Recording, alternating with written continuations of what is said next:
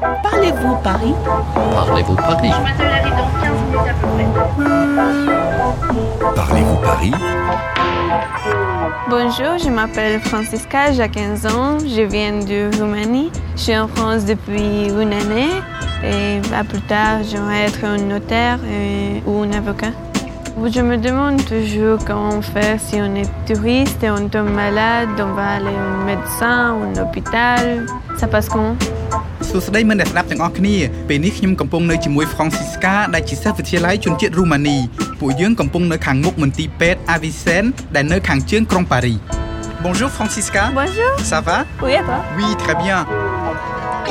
Alors dis-moi est-ce que tu as déjà été malade en France Oui, quand j'arrive la première fois en France, je tombe malade et j'allais avec ma famille à l'hôpital, mais j'ai pas le carte vitale et le numéro de sécurité sociale. Francisca ចង់ដឹងថាយើងត្រូវធ្វើដូចម្តេចខ្លះបើក្នុងករណីយើងជាជនបរទេសធ្លាក់ខ្លួនឈឺនៅបារាំងនេះប៉ុន្តែយើងអត់មានបានធានាសុខភាពរបស់បារាំងដែលគេហៅថា La Sécurité Sociale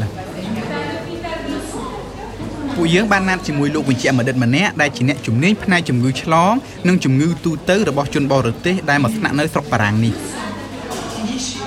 អូននោះកន្លែងគេសួរព័ត៌មានតោះយើងទៅសួរសិនដើម្បីចង់ដឹងថាកន្លែងធ្វើការគាត់នៅកន្លែងណា Bonjour madame Bonjour. Nous cherchons les services des maladies infectieuses. Alors, vous allez tout droit, première à gauche, vous sortez dehors à droite, porte 11, au troisième. Merci D'accord, beaucoup. merci beaucoup. Tout droit អឺដើរទៅត្រង់ Euh, on est sorti à gauche, premier rapport. បន្ទាប់មក à gauche បត់ឆ្វេង On prend l'ascenseur Oui. អីនៅនេះក្លុកក្លៀតបត់បានច្រើនមែនតើ Onzième étage. Bonjour. ឥឡូវយើងមកដល់កន្លែងធ្វើការរបស់លោកដុកទ័រប៊ីសូហើយរោទំមតែឃើញលោកវិជ្ជបណ្ឌិតគាត់ប្រាប់ថាបុគ្គលិកគ្នាគាត់ម្នាក់នោះបានទទួលអ្នកជំងឺម្នាក់ដែលទើបតែធ្វើដំណើរមកពីបរទេស Si elles sont d'accord, on va venir tout de suite. Ouais. តោះឥឡូវយើងទៅមើលទាំងអស់គ្នាអំពីការពិគ្រោះជំងឺ Oui, bonjour docteur.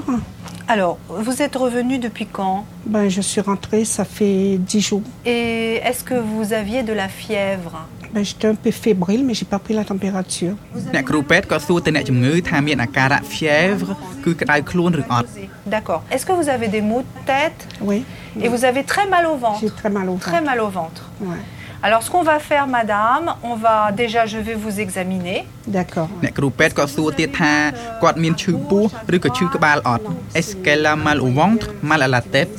អ្នកជំងឺនេះគាត់ថាគាត់ឈឺពោះខ្លាំងណាស់នៅម្ដុំកាពះ On va faire un- une prise de sang. La Véri- prise de sang, c'est pourquoi ou juste alors Comme vous rentrez d'Afrique, on va vérifier que vous n'ayez pas contracté, vous n'ayez pas attrapé euh, ce fameux paludisme là-bas. D'accord. អ្នកគ្រូពេទ្យគាត់បានបូមឈាមអ្នកជំងឺយកទៅពិនិត្យក្រែងលោកគាត់មានឆ្លងជំងឺគ្រុនចាញ់ឬក៏គ្រុនឈាម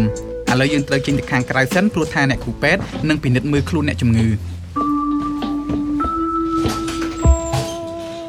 Euh, si nous sommes touristes et on tombe malade à Paris, comment on fait On va aller au médecin ou directement à l'hôpital La France est un peu particulière pour ça. C'est un des rares pays où on peut donner des soins assez facilement aux personnes qui n'ont pas la sécurité sociale, on va dire de façon générale aux personnes étrangères.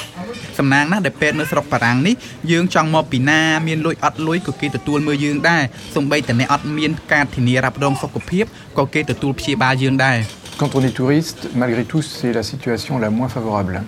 Parce que si on a un problème d'urgence, si on a vraiment une maladie très grave qui menace la vie, ça, il n'y a pas de problème. Aucun hôpital n'a le droit de vous refuser. Donc on vous donnera les soins.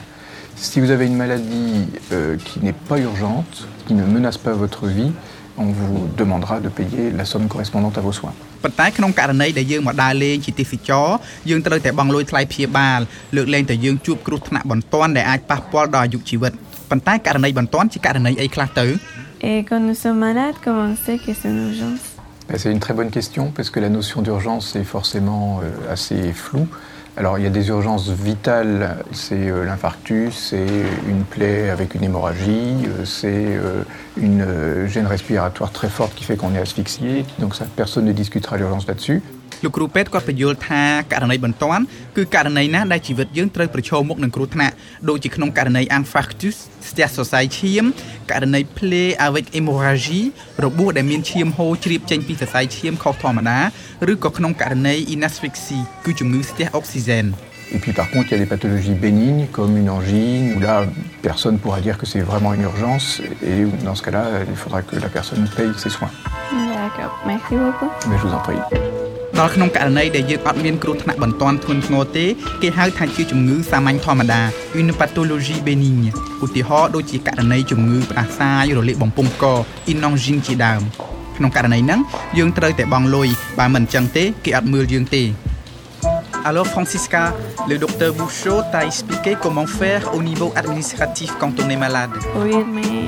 en fait, je comprends pas si on parle pas bien la langue, on fait comment Il t'est déjà arrivé des situations comme ça La première fois quand je suis allée au médecin, je comprends rien,